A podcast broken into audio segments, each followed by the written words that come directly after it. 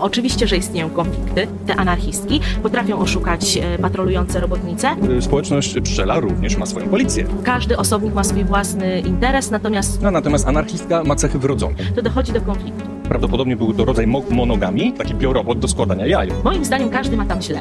E, I może dlatego to się utrzymuje. Ten odcinek podcastu Radiowa Roza, ale także inne mam możliwość i przyjemność nagrywać i przyrządzać dla Państwa również dzięki wsparciu patronów.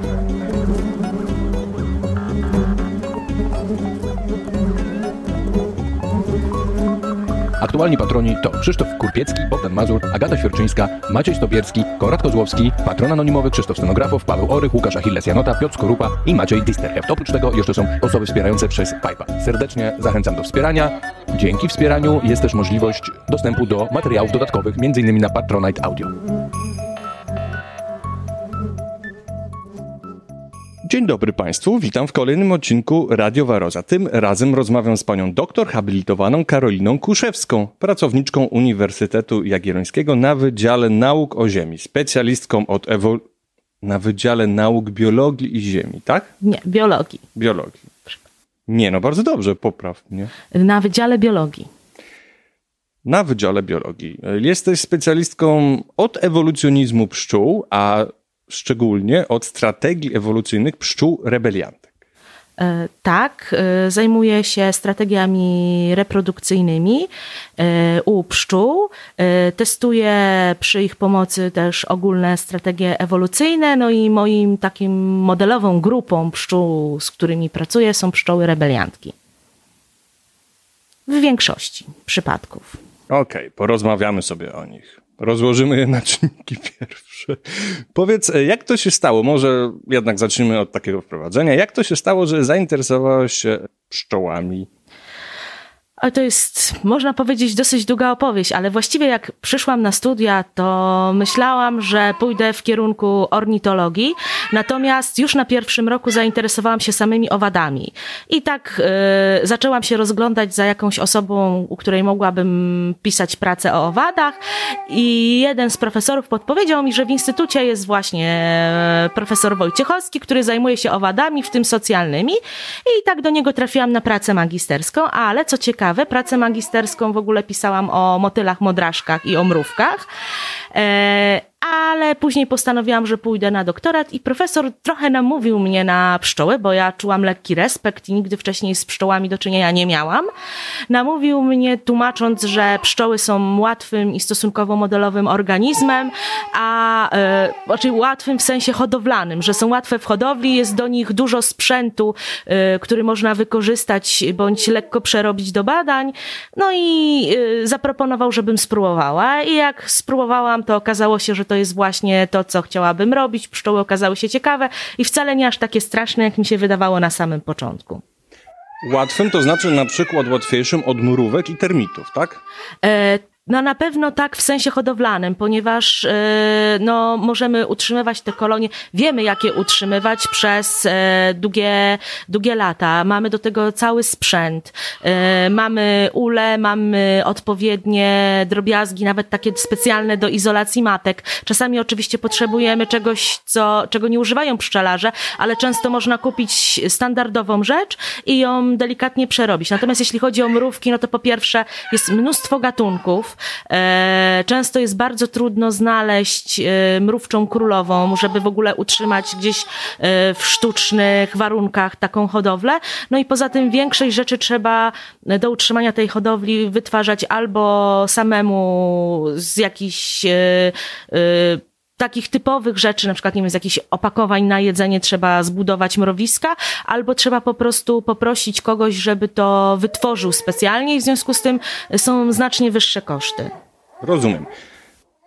Dodam, żeby słuchacze wiedzieli, że tutaj te odgłosy, które słyszycie w tle, no to towarzyszy nam młody człowieczek bardzo, który na sobie gaworzy w tle, tak. I urozmaica nam tutaj rozmowę i Państwu też przy okazji. tak. No to powiedz w takim razie, na czym, tak w skrócie zapewne, na czym polega Twoja praca przy tych pszczołach, bo głównie pracujesz przy pszczołach miodnych, tak? Czyli gatunek Apis mellifera, no jako naukowca.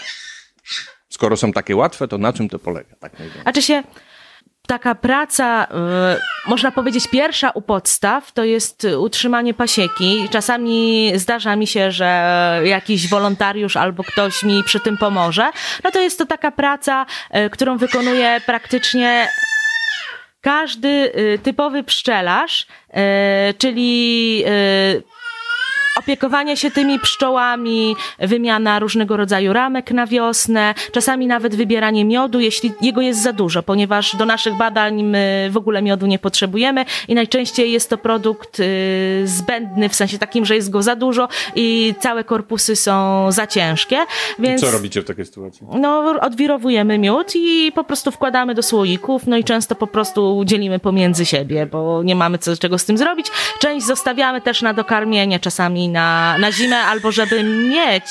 Okej, okay, czyli zabierać, to, to się y, właściwie no, dość mocno różni od standardowego pszczelarstwa, tak? Czyli nie zależy wam na miodzie. Y, tak, nie zależy nam na miodzie, zależy nam głównie na e, robotnicach, na tym, żeby rodzina pszczela była w dobrej kondycji i żebyśmy mogli wykonywać e, eksperymenty. Natomiast sama część eksperymentalna.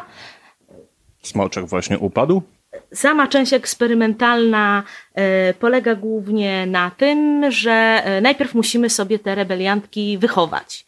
To znaczy się w takim sensie, żeby skłonić pszczoły do tego, żeby je wychowały. Ja może powiem w skrócie, czym są te rebeliantki. I powiedz, jak to robicie. No, tak właśnie chciałam powiedzieć, ale najpierw powiem, e, czym one są. A mianowicie rebeliantki to są takie pszczoły, które potrafią aktywować swoje jajniki, nawet jeśli w gnieździe jest matka, a wychowywane są w naturalnym gnieździe zaraz po rójce, czyli w okresie, kiedy w gnieździe nie ma matki. E, stara matka wylatuje z częścią robotnic i część jaj, która po niej pozostała, wychowywana jest w tak zwanym osieroconym gnieździe, ponieważ jeszcze nie ma nowej matki i z nich właśnie, e, z nich, z nich właśnie wychowują się rebeliantki. Natomiast my to potrafimy zrobić w sztuczny sposób. I robimy to w ten sposób, że dzielimy rodzinę pszczelą na dwie części do każdej części wkładamy ramkę, na której znajdują się, e, właściwie to plaster, na którym znajdują się jaja wcześniej złożone przez królową. No i ta część, która trafi do, te, ten plaster, który trafi do tej części, gdzie nie ma matki pszczelej, e, to jest plastrem, na którym będą wychowywane rebeliantki. Natomiast z tych samych jaj wychowujemy też normalne robotnice do porównań i one trafiają do tej części ula, w której znajduje się matka i tam są wychowywane. Czyli jeżeli od po samego początku, od jaja, robotnice są wychowywane w gnieździe bez matki, to rozwiną się w rebeliantki. Okej, okay, a możesz powiedzieć, czym się różnią rebeliantki od bo to są trzy takie robotnice, które wydaje mi się, że można powiedzieć, że realizują taką strategię nonkonformizmu wobec e, całego, całej strategii e, rodziny pszczoły, czyli są trochę mniej społeczne niż inne robotnice. E, są trzy takie. Rebeliantki, anarchistki i trutówki. Możesz powiedzieć, czym one się różnią? E, tak, trutówki, może zaczniemy od trutówek, bo są najbardziej e, e, powszechne dla. Znów smoczek upadł? dla normalnego słuchacza, takiego pszczo- właściwie takiego, co się chociaż troszkę zna na pszczołach. I trutówki to są e, pszczoły, które jako dorosłe pozostały w gnieździe bez matki i po jakimś czasie, po dwóch, trzech tygodniach e, uaktywniają swoje jajniki, ponieważ nie czują e, feromonów pszczelich i mogą składać jaja. Oczywiście, jak wszystkie robotnice, w tym także e, anarchistki i rebeliantki, składają tylko jaja niezapłodnione, z których mogą rozwijać rozwinąć się tylko i wyłącznie samce, czyli trudnie. Y, natomiast y, anarchistki y, to są pszczoły, u których zaszła mutacja genetyczna i one właściwie w przyrodzie, w przyrodzie są bardzo szybko eliminowane przez dobór naturalny i występują w tym momencie sztucznie utrzymywana jest populacja na pewno w Australii, może jeszcze gdzieś też, ale na pewno wiem, że w Australii i to są osobniki, które które właściwie fizycznie e, nie różnią się bardzo od normalnych robotnic i mają tak samo, znaczy w sensie takim reprodukcyjnym. Tak samo mają zbudowane owariola, e, natomiast w dorosłym życiu, pomimo tego, że w gnieździe znajduje się matka, aktywują swoje jajniki i mogą składać jaja. Natomiast rebeliantki e, są osobnikami, które nie mają mutacji genetycznej. Tutaj e, właściwie z tego samego jaja można byłoby wychować i normalną robotnicę, i rebeliantkę. Wszystko zależy od tego, czy w gnieździe w okresie larwalnym, czyli w okresie, kiedy jest nieprzepoczwarzony osobnik, znajduje się matka, czy się też nie znajduje matka. I one różnią się e, pomiędzy, pomiędzy normalnymi osobnikami, a rebeliantki się różnią od normalnych osobników ta anatomią. A mianowicie ich e, jajniki są zbudowane z większej liczby rureczek jajnikowych, tutaj można powiedzieć, że ważną kwestią jest to, że każda rureczka ma jakiś czas na wyprodukowanie jaja. Im więcej mamy rureczek, tym więcej taka rebeliantka może wyprodukować jaj. Tak jak kserokopiarka. Jak ma 10 kartek na, na minutę na przykład, no to nie wytworzy ich więcej, ale jak mamy już 10 kserokopiarek, no to możemy mieć 10 razy więcej tych, yy, tych kartek. No tak samo w tym przypadku. No różnią się też różnymi wielkością różnych gruczołów. Takie gruczoły pszczoły, które służą do opieki nad potencjalnym innym potomstwem są mniejsze, natomiast takie, które wspomagają reprodukcję są większe. E, no i od tych dwóch grup różni się tym, że determinowane są e, to, że będą rebeliantkami bądź nie, determinowane jest na poziomie larwalnym, ale nie na poziomie genetycznym, tylko na poziomie środowiskowym, czyli bardziej epigenetycznym. A mówiąc takim bardzo popularnym językiem, czy można powiedzieć, że tak jakby przekładając na społeczeństwo ludzkie, że e, no, rebeliantka to jest po prostu na skutek wychowania jest tak, trochę, tro, e, tak. E, trochę bardziej antyspołeczna, natomiast anarchistka ma cechy wrodzone. Tak, tak. To są, to dokładnie jest taka różnica. Okej. Okay. No a powiedz mi, bo po, po, po, angielsku się coś takiego nazywa jak um, police, prawda? Um, czyli takie... Ro Patrolujące robotnice, to, tak. to ma nawet odpowiednik. Właśnie, polski. chciałem się coś zapytać. Aha, to są robotnice, które patrolują i, i wyszukują ewentualnie jaja takich rebeliantek i je niszczą. I jeżeli e, taka, re... pierwsze pytanie, czyli jeżeli taka rebeliantka, jak porównałaś do kserokopiarki, ma możliwość, zdolność do produkcji na, w danym czasie większej ilości jajeczek, czy ma większe szanse, że te patrolujące robotnice ewentualnie tego nie wychwycą i czy można takie patrolujące robotnice nazwać e, metaforycznie policją pszczelą. E, no właśnie e, tak, tak, tak jest z angielskiego, że jako policing, worker policing. U nas zostało to przetłumaczone jako patrolujące robotnice. E, natomiast jeśli chodzi o oszukanie. E, Bo to, to przez... jest taka fajna metafora, e, zaraz będziemy o tym mówili, no, że społeczność pszczela również ma swoją policję. No. Tak, ma swoją policję. Natomiast jeśli chodzi o rebeliantki, to my tutaj wykonywaliśmy badania, ponieważ są badania, które pokazują, że niektóre pszczoły, na przykład te anarchistki, potrafią oszukać patrolujące robotnice w taki sposób, że jaja są ich tak, tak znakowane, że nie są w stanie rozpoznać rozpoznać yy, robotnice te patrolujące, czy to są jaja od matki, czy to są jaja od yy, innych robotnic. Natomiast jeśli chodzi o rebeliantki, to takiej zdolności niestety nie mają. Tu już mamy badania zrobione, które pokazują, że tak samo szybko są niszczone jaja, e, jaja rebeliantek, jak jaja normalnych robotnic. Natomiast mamy też drugie badania, które pokazują, że pomimo tego e, część trutni, jeżeli są rebeliantki, może od nich pochodzić. I pochodzi znacznie więcej niż w rodzinie, kiedy są normalne robotnice, bo tam czasami, gdzie są normalne robotnice, też się jakiejś czasami jednej czy dwóm robotnicom coś, coś przydarzy. Yy, i jest znacznie więcej tych trutni yy, i yy, tłumaczymy to w ten sposób, że jeżeli jest dużo z jaj, które są złożone, to zawsze w tym patrolowaniu jest jakiś błąd. No i jeżeli mamy 100 jaj... Jak to, no w naturze, prawda? No tak, no nie ma rzeczy doskonałych. Znalezienie setki, na przykład 99% oznacza, że zostanie jedno jajo, ale już z tysiąca oznacza, że zostanie 10, więc im więcej tych jaj jest, tym po prostu więcej dorosłych trudni yy, będzie odchowanych. Okej, okay, no czyli jednak policja nie jest idealna i jak statystycznie zaglądamy do jakiejś rodziny, yy, w pełni rozwoju, gdzie jest dużo pszczół, czyli powiedzmy 50-80 tysięcy, możemy znaleźć trudnia e, nie z matki pszczelej. Tak, możemy. Możemy. I nie jest to nic dziwnego. Dobra.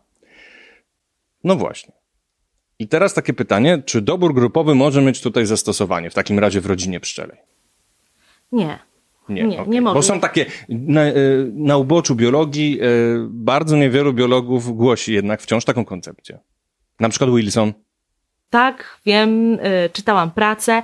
Nie, niestety, y, niestety bądź stety, y, zależy dla kogo. Dla Wilsona niestety właśnie samo to, że pojawiły się rebeliantki świadczy przeciwko doborowi grupowemu, a bardziej skłania się na dobór Krewniaczy. krewniaczy, tak. Na, bardziej skłania się na dobór krewniaczy i y, związane jest to z tym, że samo pojawienie się rebeliantek ma przełożenie ewolu, ewolucyjne, a mianowicie no, jak, sama, jak sam wcześniej powiedziałam, rebeliantki pojawiają się w gnieździe pszczelim, gdy wylatuje z niego stara matka z, z częścią pszczół.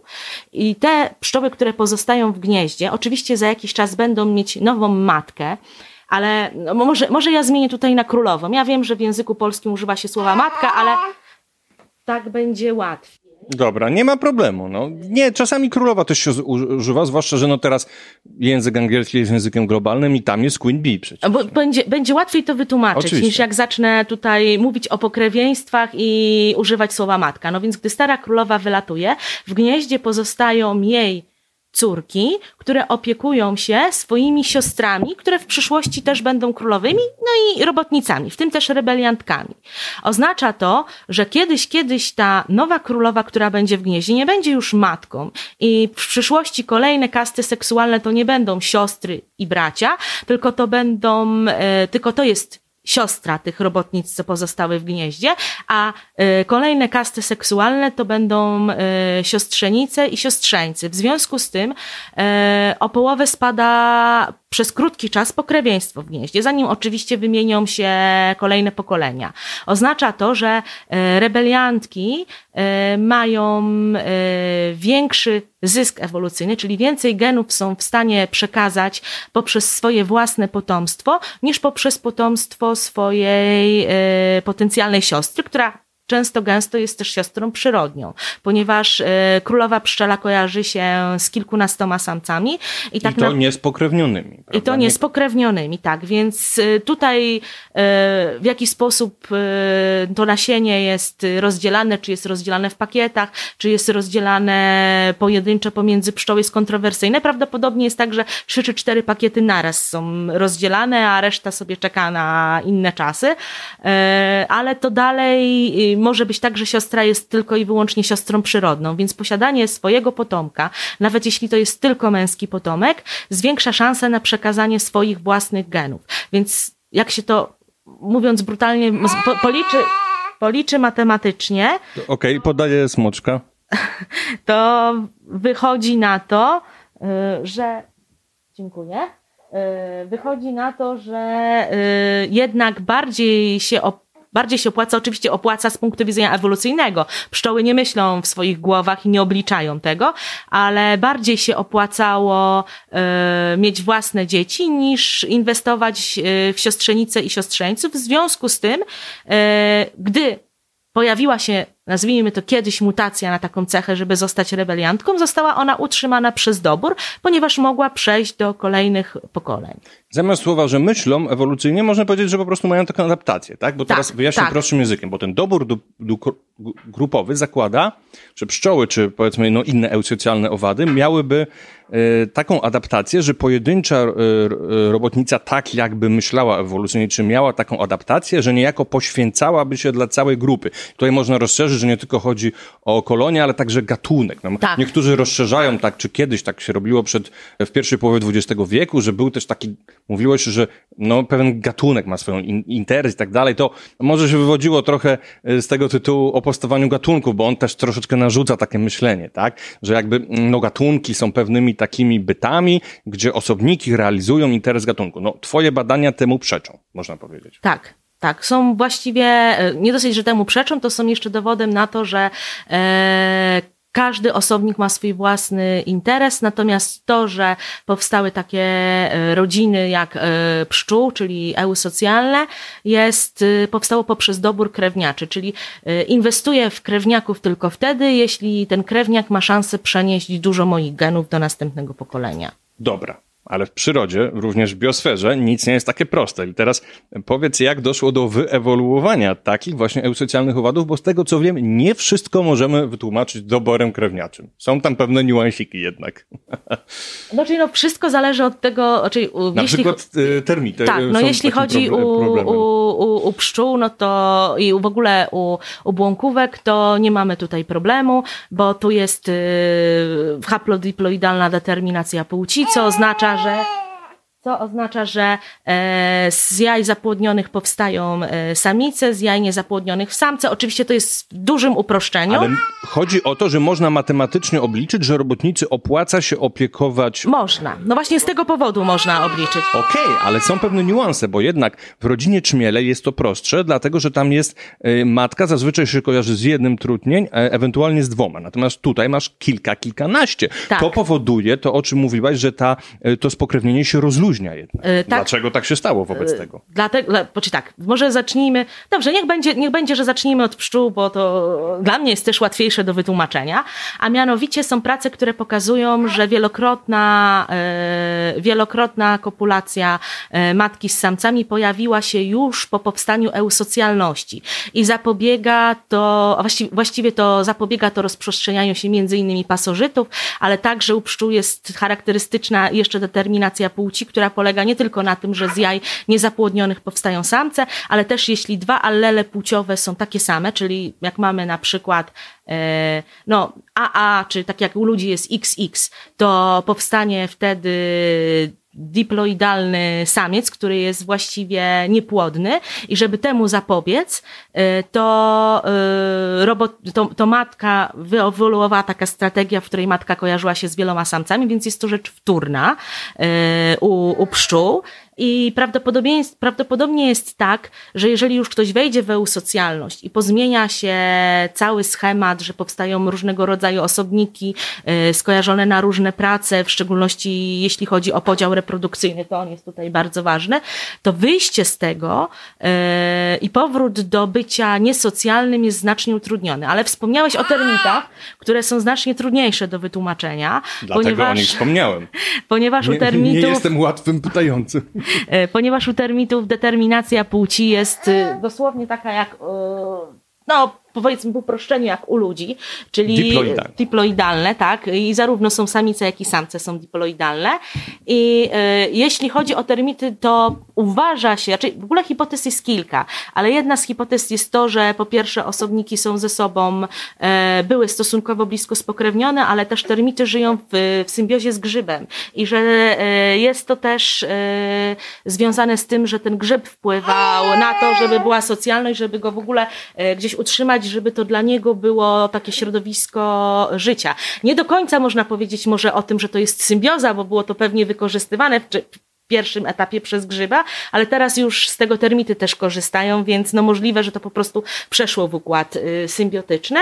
No natomiast no jest też wiele e, innych gatunków, znaczy wiele, no na przykład nasze e, ssaki, jedyne eusocjalne ssaki golce. U nich też e, występuje eusocjalność i tam też tłumaczy się to tym, że, że pokrewieństwem bliskim pomiędzy osobnikami samymi, że jeżeli są takie zamknięte enklawy, na przykład jak kiedyś było u ludzi w górach, w dolinach górskich, gdzie właściwie cała dolina była ze sobą pomieszanymi osobnikami, to tak naprawdę każdy z każdym jest już spokrewniony, no i ten dobór krewniaczy y, może istnieć na całej większej y, populacji. Okej. Okay. Pozwoli, że czasami będę tak podsumowywał takim bardzo prostym językiem, no, w związku z tego nasi słuchacze w zależności od swojej... Nie, nie, nie, bardzo dobrze. W zależności od swojej wyspecjalizowania, co wcześniej, e, jaka jest ich wiedza, będą mogli sobie wybrać. Więc troszeczkę to, co powiedziałeś, przypomina coś takiego, jakby klamka zapadła. Są na skutek e, o właśnie, to się zaraz dopytam. Jak to się stało na skutek tego,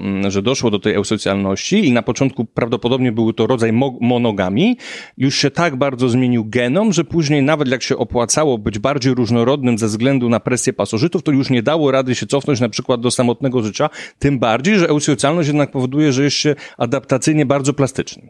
Tak. Wszystko dobrze powiedziałem? Tak. Kurczę, może bym nawet zdał jakieś kolokwium w twojej specjalności. No istnieje taka duża szansa. Dobra. E, Dobra, a właśnie jak to doszło? Bo czytałem, jak doszło, ale ten pierwszy etap, do tej eusocjalności u błąkówek. Czytałem taką koncepcję, że z powodu monogami właśnie.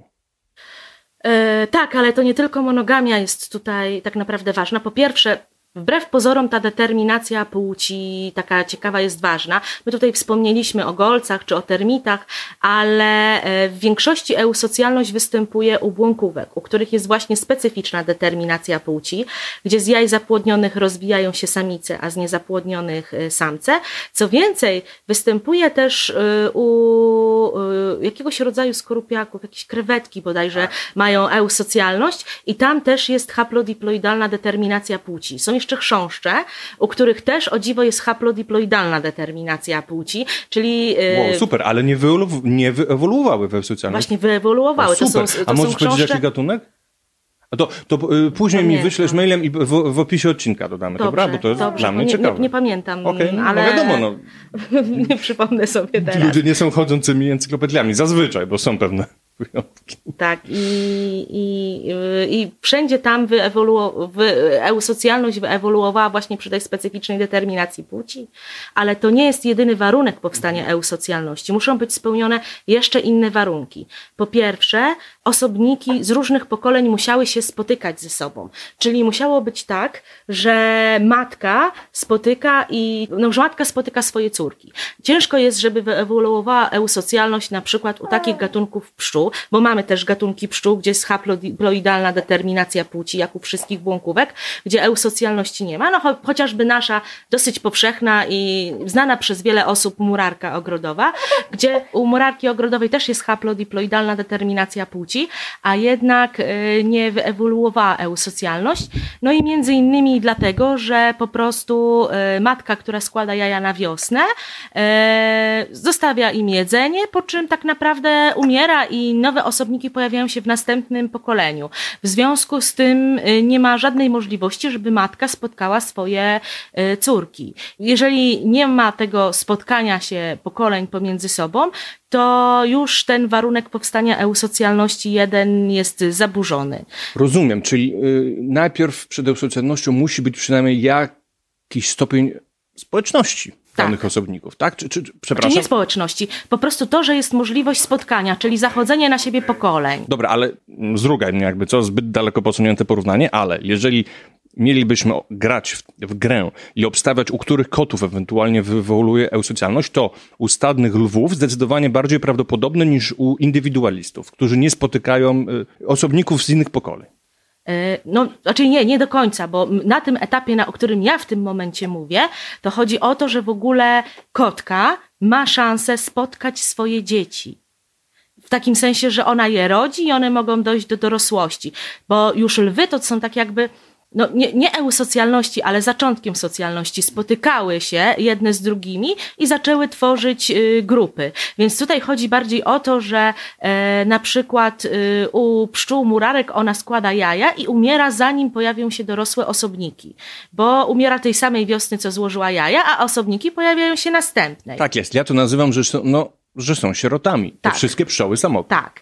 Natomiast y, y, jeśli chodzi o u pszczoły miodnej, to prawdopodobnie tak było, bo teraz czasami widzimy to u niektórych takich os. Bardzo dobre są do badania początków eusocjalności y, osy z rodzaju klecanek, dlatego że tam u różnych gatunków ten stopień uspołecznienia jest bardzo różny. Mogło być tak, że na przykład samica składała jaja i jeszcze w zanim ona umarła, pojawiały się już dorosłe osobniki. Jeszcze nie tworzyły gniazda, ale pojawiły się już dorosłe, więc miały szansę się spotkać.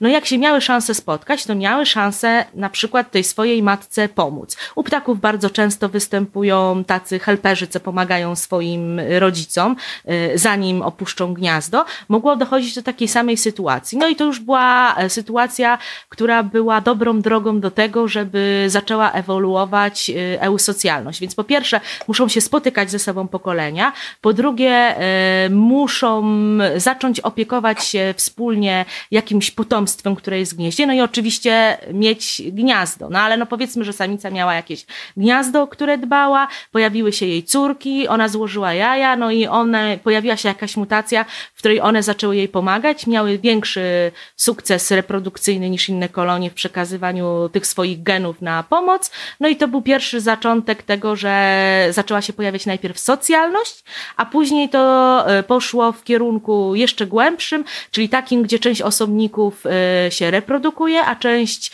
e, wykonuje całkiem inne prace i właściwie jest, można powiedzieć, sterylna bądź czasowo sterylna, bądź okresowo fakultatywnie inaczej. No i tutaj już mówimy o eusocjalności. Okej. Okay. Dziękuję. Mam nadzieję, że teraz żeśmy wszyscy lepiej to zrozumieli. Ale jest to bardzo ciekawy problem naukowy, przyznasz, prawda? I... Tak, tak. W ogóle jeśli chodzi o ewolucję eusocjalności u pszczół, to wiele osób miało z nimi problemy. Nawet sam Darwin miał problemy, w jaki sposób mogła się pojawić ewolucja bezpłodnych y, osobników. No bo jak sobie doskonale zdajemy sprawę, jeżeli ktoś jest bezpłodny, y, raczej nie przekazuje swoich genów do następnego pokolenia. Y, no jest to właściwie niemożliwe, ale no właśnie za pomocą, wyjaśnione zostało to potem za pomocą e, doboru krewniaczego przez e, Hamiltona, e, który po prostu pokazał, że możemy własne geny przenosić też przez geny naszych krewnych, jeśli inwestując potomstwo krewnego, ma on szansę mieć więcej tego potomstwa. Jasne. To jest bardzo teraz zrozumiałe. Dzięki. No cóż, teraz bardziej takie pytanie trochę filozoficzne, ale ono się pojawia w mediach. Nieraz, w tym również e, w branży pszczelarskiej, ale również e, u naukowców e, zajmujących się no, szeroko pojętym pszczelarstwem, czyli również na przykład fitoterapią. Czy rodzina pszczela to doskonale zorganizowana, idealna, harmonijna społeczność? Już troszeczkę sobie o tym powiedzieliśmy, ale teraz może odpowiedz na pytanie. Tak wprost.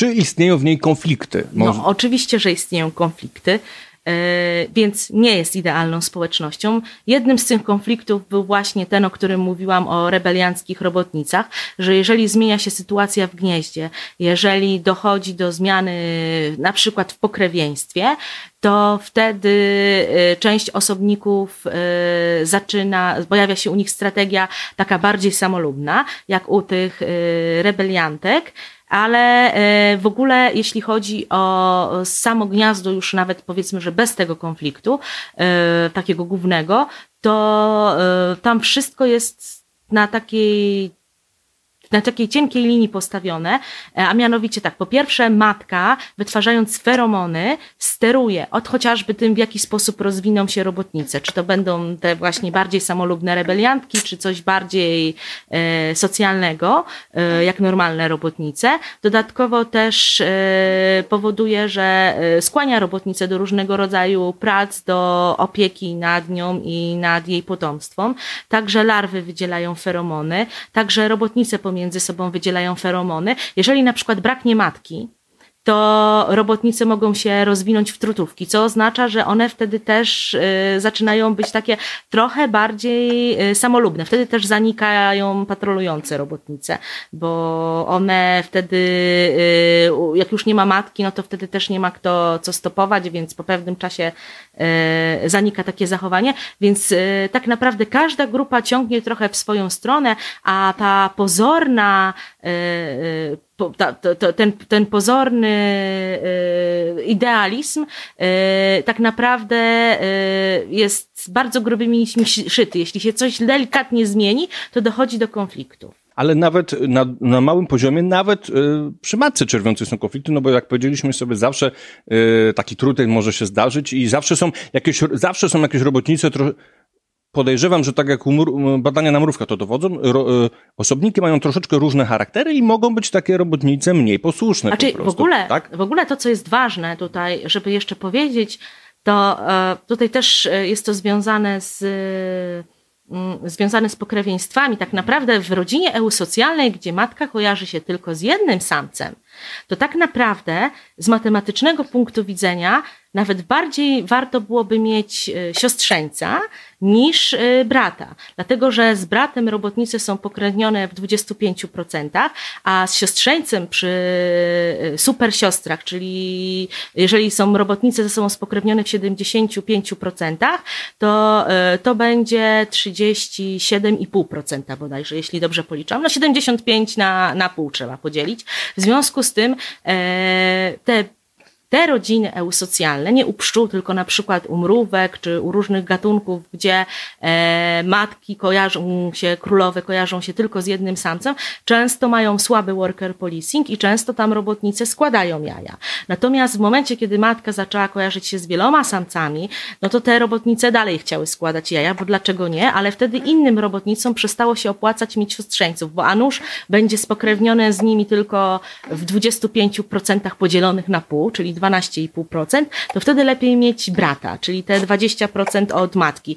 Więc tak naprawdę worker policing, e, czyli to patrolowanie robotnic pojawiło się wtedy, kiedy matka zaczęła się kojarzyć z wieloma samcami. Okej, okay, czyli u czmieli tego nie ma na przykład. Jest na mniejszym poziomie. Tak. Czy można powiedzieć, że czmiele są bardziej pierwotne w tej eusocjalności, tak? No, ja bym tak y, nie szła do końca. No, powiedzmy, że bardzo upraszczając tak, ale co jest pierwotne, a co nie jest pierwotne. Jeszcze, jeszcze nie wiadomo do końca, tak? Tak. No, czmiele, czmiele mają, u czmieli jest z tego co pamiętam, jest chyba trochę inaczej determinowana potem na tym drugim poziomie ta, ta płeć z tymi allelami. W związku z tym taka sytuacja jak u pszczoły miodnej może się w ogóle nigdy nie pojawić. Dobra, jedziemy dalej z konfliktami. Czy u pszczół miodnych, bo dotychczas sobie rozmawialiśmy tak w sumie głównie europejskich, żeby nie komplikować. Czy u pszczół miodnych może występować pasożytnictwo społeczne? Jak to jest u pszczół na przykład skutellata i capensis? To są w ogóle dwa e, różne, e, no właściwie można powiedzieć podgatunki e, i występują w Afryce. I Apis mellifera scutellata można, znaczy można ją uznać za gatunek, na którym pasożytuje Apis mellifera capensis. U tej Apis mellifera capensis pojawiła się taka mutacja, w której to robotnice mogą składać e, zapłodnione, zapłodnione, właściwie to nawet nie zapłodnione, tylko diploidalne jaja, z których rozwijają się inne robotnice, na skutek zlania się dwóch produktów e, mejozy, czyli jakby to powiedzieć uproszczonym językiem. Z jaja niezapłodnionego może powstać specjalnym mechanizmem genetycznym jajo diploidalne. Tak, tak, że po prostu jak mamy tą część materiału genetycznego, która miałaby być na jedno jajo i na drugie jajo, to one się zlewają ze sobą i powstaje tak jakby takie jajo, które jakby jest zapłodnione, tylko tym tylko swoim własnym jest. materiałem genetycznym, co więcej na dodatek prawie klonem, dlatego że to są jaja od tej samej robotnicy. Oczywiście Czyli tylko mutacje i rekombinacja ewentualnie I rekombinacja, może coś tak, zmienić, no bo tak? musi być mm -hmm, tam mm -hmm. połowa. Rekombinacja i, i, i ewentualnie mutacja. No ale 100% y, genów przechodzi, nawet jeśli to jest, czyli w sensie takim, że nawet jeśli to jest 50% powielone dwukrotnie, no to jednak y, w takiej, takiej formie. I y, one Czyli tak, one mogą sobie składać te gniazda w swoim własnym gnieździe. No ale jeżeli ja mam siostrę, która właściwie jest, a właściwie w pewnym pokoleniu, czy tam córka, która właściwie jest moim klonem, no to dlaczego ona miałaby pracować dla mnie, jak ona też może składać jaja i dalej roznosić te geny. Często takie pszczoły y, można powiedzieć, że infekują gniazda tej pszczoły, apis, czyli Apis mellifera capensis infekuje gniazda Apis mellifera scutellata, gdzie y, oszukuje ten drugi gatunek, no i zaczyna składać jaja. W związku z tym y, robotnice scutellata najpierw odchowują, powiedzmy, jeżeli wejdzie jedna, niewiele e, jaj tej kapensji, z której rodzą się kolejne, a potem coraz więcej i coraz więcej, aż w końcu taka rodzina tak naprawdę upada, ginie, dlatego że e, te Apis mellifera capensis pszczoły niespecjalnie chcą pracować. W większości chcą składać jaja, też nie mają ochoty na opiekę nad y, potomstwem, więc wszystko bazuje na tej skutej lacie, ale do pewnego momentu, bo po prostu później już tej, tej capensis jest za dużo. Okej, okay, no ale w międzyczasie, jak rozumiem, e, trudniej wyprodukują, czyli swoje geny rozprzestrzenią, tak? E, no jeśli im się uda, tak. Jeśli im się uda. No, to jest, znaczy, jest pytam, taka pytam szansa. się, czy to jest strategia ewolucyjnie opłacalna, to infekowanie e, cudzych gniazd.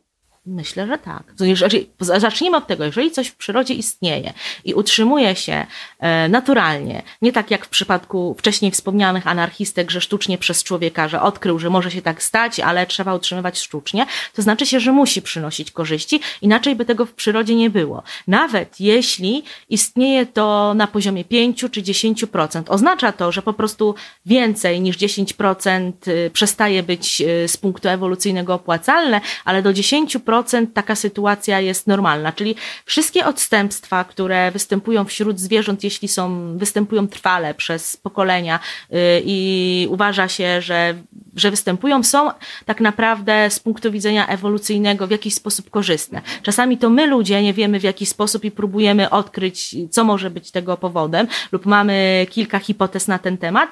Natomiast, żeby się to utrzymywało, musi być korzystne w danej chwili. To musi być tak zwana strategia ewolucyjnie stabilna. Oczywiście może być tak, że się zmienią warunki w środowisku czy na świecie i dana strategia kompletnie będzie bezużyteczna i wtedy ona za pokolenie, dwa, trzy, w zależności od tego, jak bardzo była potrzebna, e, może po prostu zaniknąć, e, bądź może też się tak zdarzyć, że będzie, zmieni się tak środowisko, że coś, co jest utrzymywane na poziomie tylko 10%, okaże się na tyle korzystne, że na przykład w przeciągu kilku pokoleń pójdzie na 90%.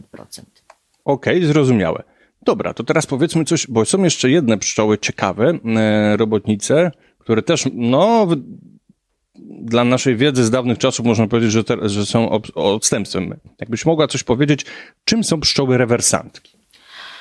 E, w pszczoły, e, pszczoły, które właściwie to, to, są, to są cały czas pszczoły zbieraczki, znaczy nawet nie, to są normalne robotnice. U, u pszczoły u pszczoły jest podział pracy pierwszy, ten reprodukcyjny, czyli mamy matkę, która składa jaja w większości przypadków i robotnice, które zajmują się całkiem innymi, wszystkimi innymi pracami. No tutaj już nie mieszam w to rebeliantek, to jest taki powiedzmy prosty i dosyć klarowny podział. Natomiast wśród tych robotnic występuje jeszcze tak zwany niereprodukcyjny podział pracy, czyli różne, można powiedzieć, osobniki zajmują się e, różnymi rzeczami.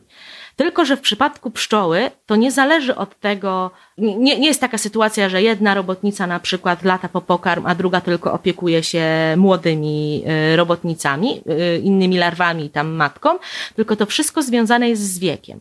Młode robotnice, które się zaraz wygryzą z komórek i są w pierwszych dniach dorosłymi, pracują głównie wewnątrz gniazda. Czyli y, budują to gniazdo, składują tam pokarm, który przynoszą pszczoły pracujące na zewnątrz, opiekują się larwami, opiekują się matką pszczelą. Natomiast starsze y, wylatują na zewnątrz y, gniazda, gdzie właśnie są zbieraczkami, znajdują różnego rodzaju pożywienie. Co tutaj jest ciekawe, E, jest to oczywiście skorelowane z wiekiem, ale nie zależy tylko i wyłącznie od wieku, tylko od tak zwanej oczekiwanej długości życia, czyli od e, tylu dni, ilu mamy w danym momencie do śmierci. Oczywiście to jest związane z wiekiem, bo jak jeżeli robotnica żyje 30 dni i wykluła się z jaja, to ma jeszcze tych dni średnio 30 do przeżycia. A jak ma już 20 dni, y, żyje, no to ma tych dni średnio 10 do przeżycia. Ale może się tak zdarzyć, że na przykład mamy pięciodniową robotnicę, która jest chora i tych dni ma do przeżycia też jeszcze 10, bo umrze w 15 dni i ona się czuje fizjologicznie starsza i ona wtedy wcześniej rozpocznie pracę zbieraczek. Natomiast rewersantki to są takie osobniki, które powracają do pracy w gnieździe, czyli były najpierw opiekunkami jako młode, potem wyleciały na zewnątrz, już zbierały pokarm, ale później wróciły do pracy w gnieździe do opieki nad młodymi. I to dzieje się w takim przypadku, jeśli w gnieździe e, następuje, e, zda, zdarzy się na przykład jakieś nieszczęście i część robotnic w gnieździe zostanie e, stratowana i nie ma tych młodych robotnic. Wtedy te, które pracują jako zbieraczki, powracają do pracy w gnieździe, ale też nie wszystkie. Zazwyczaj powracają te, które no, tak powiem, najpóźniej wyleciały z tego gniazda, czyli te najmłodsze, bądź z tą najdłuższą oczekiwaną długością życia, no bo cały czas rodzina pszczela jakiś zbieraczek potrzebuje, więc część musiała dalej zostać i zostały te najstarsze, a te najmłodsze ze zbieraczek powracają do gniazda, żeby opiekować się e, tymi osobnikami, co są w gnieździe. A, czyli tutaj się pojawiają do, jeszcze dodatkowe zagadnienia, bardzo ciekawe. Z tego co wiem, robiłeś na ten temat badania, zagadnienia długowieczności pszczół. Czyli można powiedzieć, że takie rewersantki, znów próbuję też powiedzieć coś prostszym językiem, odmładzają się po prostu. Coś, co oczywiście ludzie chcieliby bardzo robić, tak? E, Czy nie? To znaczy się... e, Hormonalnie się odmładzają. Hormonalnie się tak, trochę się, trochę się odmładzają, zmieniają się troszeczkę hormony, ale też nie wszystkie. Część pozostaje na takim samym poziomie jak u starych robotnic i nic tego nie zmieni. Na pewno odpowiedź immunologiczna e, im się zmienia, e, bo w momencie, gdy pszczoły opuszczają gniazdo i zaczynają pracę jako zbieraczki, e, przestają też inwestować w swoją odpowiedź immunologiczną, która nie jest taka jak u ludzi. Nie mają tej odpowiedzi takiej swoistej, jak my na przykład po szczepionkach, tylko mają tą taką odpowiedź, że atakujemy wszystko, co jest y, patogenem bądź y, pasożytem, ale tam też są substancje chemiczne specjalne do tego i one się w momencie, kiedy wylatują z gniazda, się obniżają. Nie inwestuje już pszczoła energii w to, żeby utrzymać e, swoją odpowiedź immunologiczną, która dużo kosztuje, tylko inwestuje w energię to, żeby mieć siłę polecieć po pokarm na przykład i przylecieć z tym pokarmem z powrotem. Natomiast gdy wracają e, do pracy w gnieździe, to są badania, które pokazują, że na nowo tak jakby załączają tą swoją odpowiedź immunologiczną. Rozumiem. Czyli można powiedzieć, że no, niestety mm, większość robotnic tak naprawdę umiera albo jak, na skutek jakichś mechanicznych y, uszkodzeń z powodu zbierania, albo z powodu chorób. No bo jeżeli coraz, mają, jeżeli coraz słabszą mają tą odporność, no to tak. Może by jeszcze mogły żyć, ale już je dopada jakaś choroba. E, no, jest, jest taka możliwość chociażby dlatego, że na jesieni, yy, oczywiście te pszczoły są troszeczkę inne fizjologicznie, ale na jesieni pojawiają się robotnice, które niewiele pracują i na zewnątrz gniazda i tak naprawdę są w stanie przeżyć e, całą zimę, czyli są w stanie przeżyć e, pół roku, e, przynajmniej, czasami nawet dłużej i jeszcze na wiosnę rozpocząć pracę zbieraczek i też opiekunek nad kolejnym nowym pokoleniem. Natomiast w czasie sezonu, takiego kiedy jest dużo pracy i kiedy jest lato, to robotnica żyje no, tam się uważa, że średnio 30 dni, ale miewałam takie, które żyły 25, a miewałam takie, które dożywały i 50, więc tutaj też jest, no ale to jest taka zmienność osobnicza. Natomiast już pomiędzy nawet 50 dniami, czyli niecałymi dwoma miesiącami, a ponad pół roku jest y, duża, duża różnica, a cały czas bazujemy na jajach, które mają taki sam genom, czyli z tego samego jaja mogłaby być robotnica zimowa, mogłaby być robotnica letnia i co więcej, z tego samego jaja mogłaby być wychowana matka, ponieważ to środowisko, w którym się wychowują, determinuje wszystkie te cechy. Z tego co wiem, z badań też wynika, że mm, te robotnice, które mają dłuższą oczekiwaną, e, dłuższe, długość życia, dłuższą oczekiwaną długość życia, tak? Większą oczekiwaną długość życia w danym momencie Y, niechętnie podejmują się prac ryzykownych. Tak. No między innymi ta praca zbieraczek jest pracą ryzykowną, ponieważ no praca w gnieździe to tak, po pierwsze mało jest drapieżników, nie ma załamań pogody, e, też e, kwestia zarażenia się e, takiego pierwotnego jest znacznie mniejsza, no bo potem już od innych osobników, które są zarażone, można się zarazić. Natomiast poza gniazdem, no to czyha wszystko. Po pierwsze mogą polecieć za daleko i może im nie starczyć energii, ale to podejrzewam, że jest dla nich najmniejszy problem. Po drugie może dojść do załamania pogody, czyli nagle zrobi się zimno, zaczyna padać deszcz i one już nigdy nie wrócą, bo skończy im się energia. No a po trzecie, no to są drapieżniki. Wiele jest y, zwierząt, ptaków, owadożernych, które, dla których pszczoły to jest po prostu świetna baza pokarmowa. No i te skrzydła im się niszczą. Generalnie pszczoły latając się zużywają. No to widzi tak, nawet przelot, tak, prawda, że te tak. starsze pszczoły no, są wytarte i tak dalej, i tak dalej, prawda? Okej, okay, ale w swoim ostatnim badaniu wyszła jeszcze jedna ciekawostka, że e, robotnice rebeliantki właśnie mają tę oczekiwan, e, większą oczekiwaną tak, długość mają życia. dłuższą oczekiwaną niechętnie długość życia. podejmują się w związku z tym ryzykownych prac. Tak, niechętnie się podejmują. One oczywiście e, rozpoczynają pracę zbieraczek, ale później niż e, można powiedzieć, normalne robotnice, które są w tym samym wieku i cały czas są w tym samym gnieździe, więc tutaj struktura populacyjna jest y, podobna, ponieważ my do jednego gniazda wrzucaliśmy siostry normalne i siostry rebeliantki. Wszystko się działo w tym samym dniu, żeby tutaj nie było żadnych zawirowań i one znacznie później wylatywały do tej pracy na zewnątrz gniazda. Co więcej, nawet już jak wylatywały na zewnątrz gniazda, to podejmowały się bardziej zbierania nektaru niż pyłku, ponieważ e, jest to mniej ryzykowne, a jest mniej ryzykowne dlatego, że e, nektar zbierany jest w środku pszczoły w wolu i gdy ona wraca z takiej podróży i na przykład sobie to daleko poleci, może z tego nektaru trochę skorzystać, żeby dolecieć do gniazda. Natomiast jeśli chodzi o pyłek, to zazwyczaj, znaczy Zazwyczaj jest tak, że pszczoła, która zbiera pyłek, nie zbiera wtedy też dodatkowo nektaru. No i e, mając pyłek na obnóżach na nogach, nie może go zjeść i nie może sobie uzupełnić energii. W związku z tym e, sam powrót jest w tym przypadku bardziej ryzykowny. Podejrzewam, że najpóźniej pracowałyby, naj, najpóźniej podejmowałyby się pracy albo najrzadziej pracy zbierania wody, ponieważ woda w ogóle wychładza e, organizm pszczoły, co też powoduje, że jeśli by doszło do załamania pogody, byłoby jej znacznie ciężej wrócić. Okej, okay, czyli to trochę wskazuje, że tak jak pszczoła została wychowana, tak później już e, na dalszym etapie życia trudno ją zmienić i taka rebeliantka, nawet jak się pojawiła czerwiąca matka, już do końca życia będzie trochę mniej społeczna niż inne. Tak, no cóż. Dlatego dostała nazwę rebeliantek, że robi taką trochę małą, cichą rebelię. Okej, okay. i dlatego nie jest to jakiś super idealny i, super idealna harmonia, tylko no właśnie trochę tak jak u ludzi, no są różne niedoskonałości, prawda? No, no my w naszych społecznościach też tak mamy. No właśnie. Nawet jakbyśmy utworzyli super idealną społeczność, taką jak była na początku mówiona, że socjalistyczna jest super idealna, to sami sprawdziliśmy to w autopsji jako ludzie, że nawet jeśli chcemy podzielić równo pracę i równo zyski, no to okazuje się, że część osób nie będzie pracowała, ale z zysków z chęcią skorzysta. Dokładnie, a, a, a z kolei system, mechanizmy demokratyczne mogą wy, wykorzystać też osoby, które chcą realizować w sumie antydemokratyczne. Oczywiście, że tak. Więc wszystko ma swoje y, korzyści i straty. No i zawsze tak. coś. Zależy, co w danej chwili e, przeważa i jest, że tak powiem, no, w przypadku akurat tych systemów, co mówimy, no to lepsze dla ogółu, ale też dla ich utrzymania, bo jeśli to się nie sprawdza, to jakaś część osobników się będzie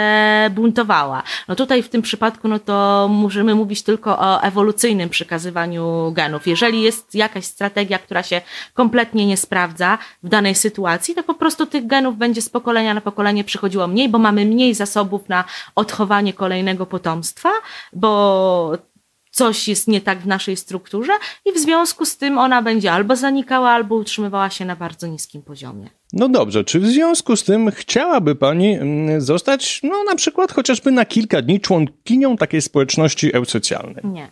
Nie. Nie. Nigdy. Żadnej, żadnej z kast.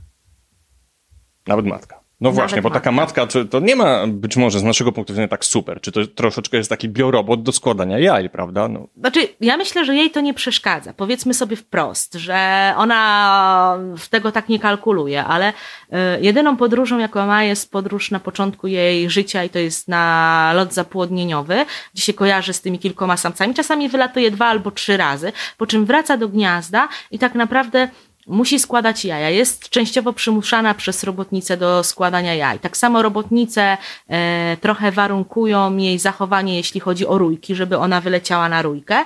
A co więcej, jeżeli się przydarzy taka sytuacja, że zaczyna jej brakować już po jakimś czasie tego nasienia, które zgromadziła jako młoda e, królowa, jeszcze, jeszcze zanim zaczęła składać jaja, to wtedy u pszczół e, dochodzi do tak zwanej cichej wymiany, czyli z jednego jaja z dwóch, z trzech wychowują sobie e, nową królową i ta nowa królowa już jak wróci z lotu zapłodnieniowego jest w gnieździe razem z matką, no ale przestają się całkowicie pszczoły opiekować matką. E, w taki sposób tą starą. W taki sposób, że e, przestają jej dawać jeść, no Teoretycznie gniazdo jest pełne jedzenia, ale ona potrzebuje wysokoenergetycznego białkowego pokarmu, ponieważ cały czas składa jaja. I ona po prostu po jakimś czasie wtedy umiera. Też się przełączają jej mechanizmy utrzymania życia hormonalne, no i, i umiera. Więc tak naprawdę to ciężko powiedzieć, kto tym gniazdem steruje. Czy matka robotnicami, czy robotnice matką. Ma się wrażenie, że tam każdy ciągnie e, na swoją stronę i każdy Moim zdaniem każdy ma tam źle na swój sposób e, i może dlatego to się utrzymuje, że nikt nie jest tak naprawdę, nie, że nikt, jeśli byłby człowiekiem i trafiłby do takiej społeczności, to tak naprawdę nikt by nie był do końca zadowolony. Oczywiście prawdopodobnie pszczoły y, tego nie, nie rozpatrują w ten sposób, no nieprawdopodobnie, tylko na pewno pszczoły tego nie rozpatrują w ten sposób. Natomiast no, każda z tych grup y, no, podlega pewnego rodzaju manipulacji przez inną. Tak jest. Dobrze, to teraz przechodzimy trochę z czystej nauki po science fiction, czyli inspirowaniem się e, nauką do różnych wizji. Czy mm, myślisz, znaczy pytanie, czy myślisz, że u kręgowców może wyelowować eusocjalność jest jakby już nieaktualne, bo znamy dwa gatunki e, golców, tak? E, troszeczkę takich szczurów, można powiedzieć, dużych, tak. No, e, golców piaskowych między innymi, ale czy myślisz, że u naczelnych, i tutaj się siłą rzeczy kandydat e, ludzki pojawia, mogłaby w przyszłości wyewoluować taka eusocjalność, no w tym momencie raczej genetyczno-kulturowa, a być może nawet także cyfrowa. Znaczy się tak, są w ogóle prace, które wskazują na to, że my już mamy z tym do czynienia. Po pierwsze, za pierwszy punkt, że tak powiem, w tych pracach stawiana jest menopauza u kobiet a mianowicie to, że bo u większości zwierząt jest tak, że samice do końca swojego życia mogą mieć potomstwo. Nawet jeśli to potomstwo już po tym, jak są stosunkowo stare, grozi ich śmiercią, no to lepiej, mówiąc brutalnie, mieć cokolwiek i zaryzykować, niż już w ogóle nie ryzykować i sobie żyć, tak? Bo ewolucja polega na tym, że przekazujemy więcej do następnego pokolenia, więc ryzyko przekazania więcej jest mniejsze niż po prostu samo życie. Natomiast u ludzi, no, mamy do czynienia z menopauzą i kobiety w pewnym wieku tych dzieci mieć już nie mogą. I tutaj też o dziwo są badania, które wskazują, że dobór krewniaczy ma tutaj duże znaczenie. To były badania robione w Skandynawii, bodajże w Szwecji, jeśli się nie mylę. Były sprawdzane księgi e, przykościelne i sprawdzano, ile wnuków e, miały kobiety, e, znaczy, może tak, ile dzieci było w rodzinie, w której były babcie w taki sposób, że jeśli babcia była przy rodzinie, ile było dzieci i ile było tam, gdzie tych babci nie było, bo nie żyły albo nie mieszkały ze sobą. I okazało się, że tam, gdzie były babcie, e, tych wnuków było znacznie więcej, czyli do następnego pokolenia mogło przyjść więcej genów.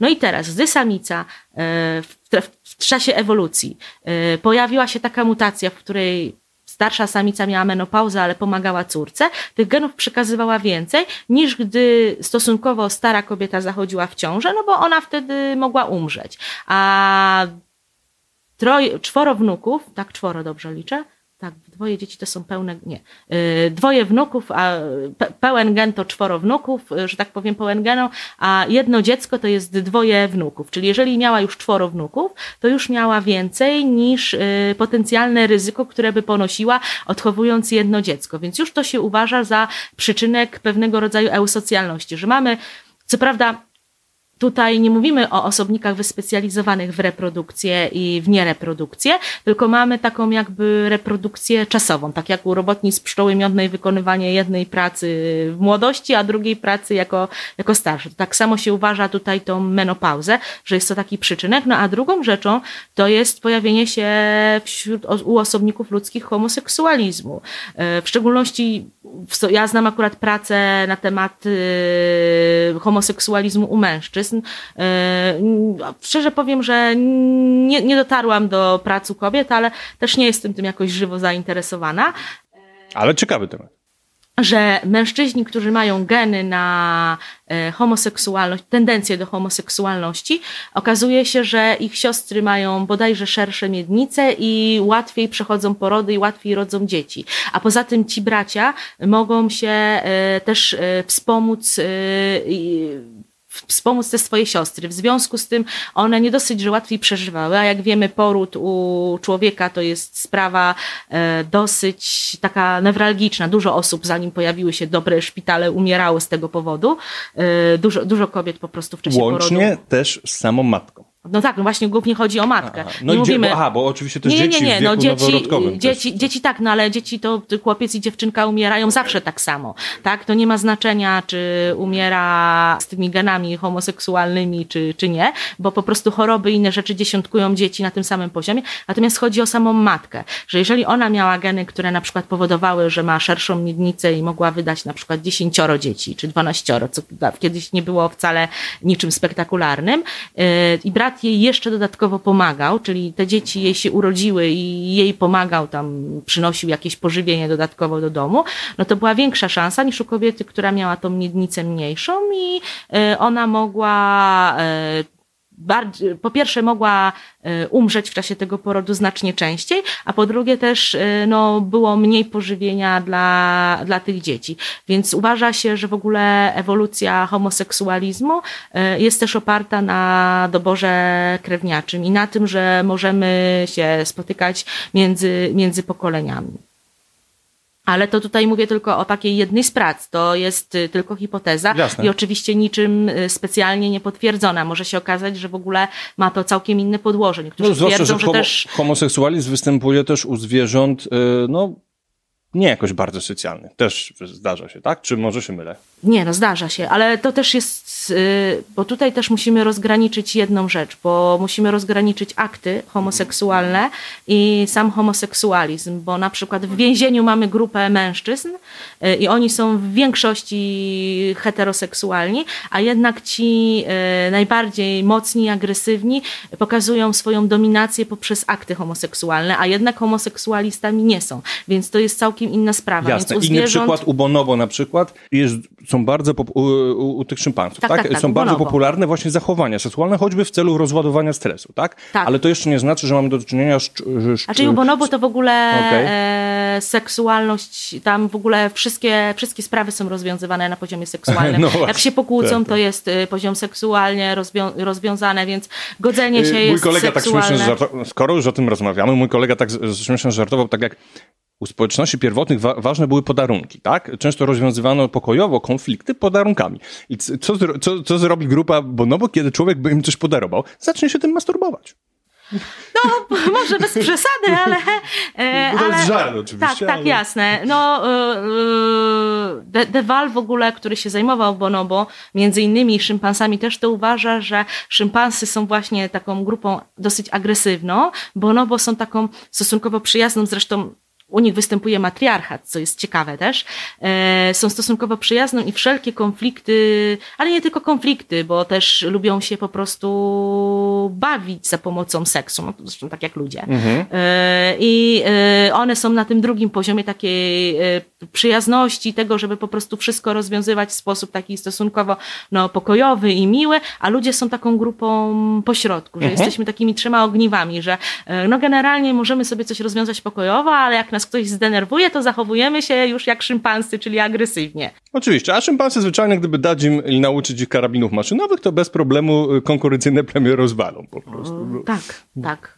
Dobra, ale tak y, do brzegu y, zdążając, no więc y, jest, uważasz, że generalnie mi, mieści się w to twoim wyobrażeniu, że, bez, że u naczelnych może dojść do takiej ewolucji? Znaczy, tak, myślę, że, że znaczy, no, ja nie wiem, ja powiem tak, ja nie wiem, e, jakie będzie środowisko i co będzie wspierane e, przez środowisko, bo może się Oczywiście, zmienić bo tak ewolucja kompletnie. nie ma planu przecież. Tak, tak. więc, y, ale jeżeli by mi ktoś powiedział, że u naczelnych gdzieś wyewoluowała eusocjalność i mamy naczelne takie, które tak są, albo jest jakaś taka grupa e, gdzieś ludzi, no nie wiem, na jakiejś innej planecie, czy w jakimś innym miejscu, gdzie coś takiego istnieje, to ja bym się nie zdziwiła. Zresztą przez lata pracy w biologii przestałam się już e, czemukolwiek dziwić.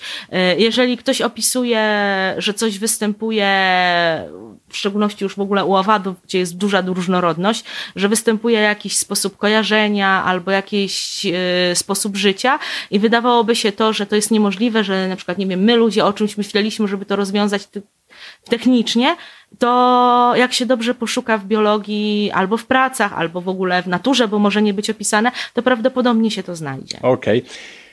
No, ale ta, mm, sama powiedziałaś, no, że jeszcze ciężko jest zauważyć takie wybitnie wyspecjalizowane osobniki do reprodukcji. Natomiast e, w, w literaturze e, science fiction coś takiego się pojawiło. Nie wiem, czy czytałaś e, Huxleya Nowy Wspaniały Świat. Tak, czytałam.